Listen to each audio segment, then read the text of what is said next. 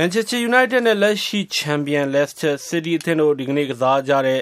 Premier League ဘောလုံးပွဲမှာတော့ Manchester United အသင်းက၄ဂိုး၁ဂိုးနဲ့အနိုင်ရသွားပါတယ်။ Man U အသင်းရဲ့ Old Trafford ကွင်းမှာကစားတဲ့ပွဲမှာ Man U အသင်းကအသင်းခေါင်းဆောင် Wayne Rooney ကိုအရန်ကုန်မှာ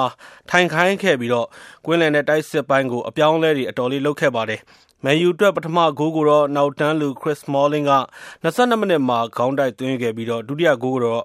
ကွင်းလယ်လူ Juan Mata ကပယ်နယ်လ်တီဧရိယာအပြင်ဘက်ကနေသွင်းယူခဲ့တာပါ။ Man U အတွက်တတိယဂိုးကိုတော့ Marcus Rashford က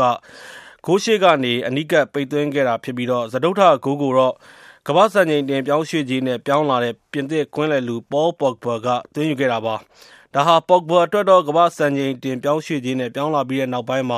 Man U အတွက်ပထမဆုံးသွင်းတဲ့ဂိုးဖြစ်ပါတယ်။ ဒုတိယပိုင်းမှာတော့ Leicester အသင်းက Gray ကအဝေးကနေ ၁ ဂိုး ပြန်သွင်းခဲ့ပါတယ်။ဒါပေမဲ့လည်း နောက်ပိုင်းမှာ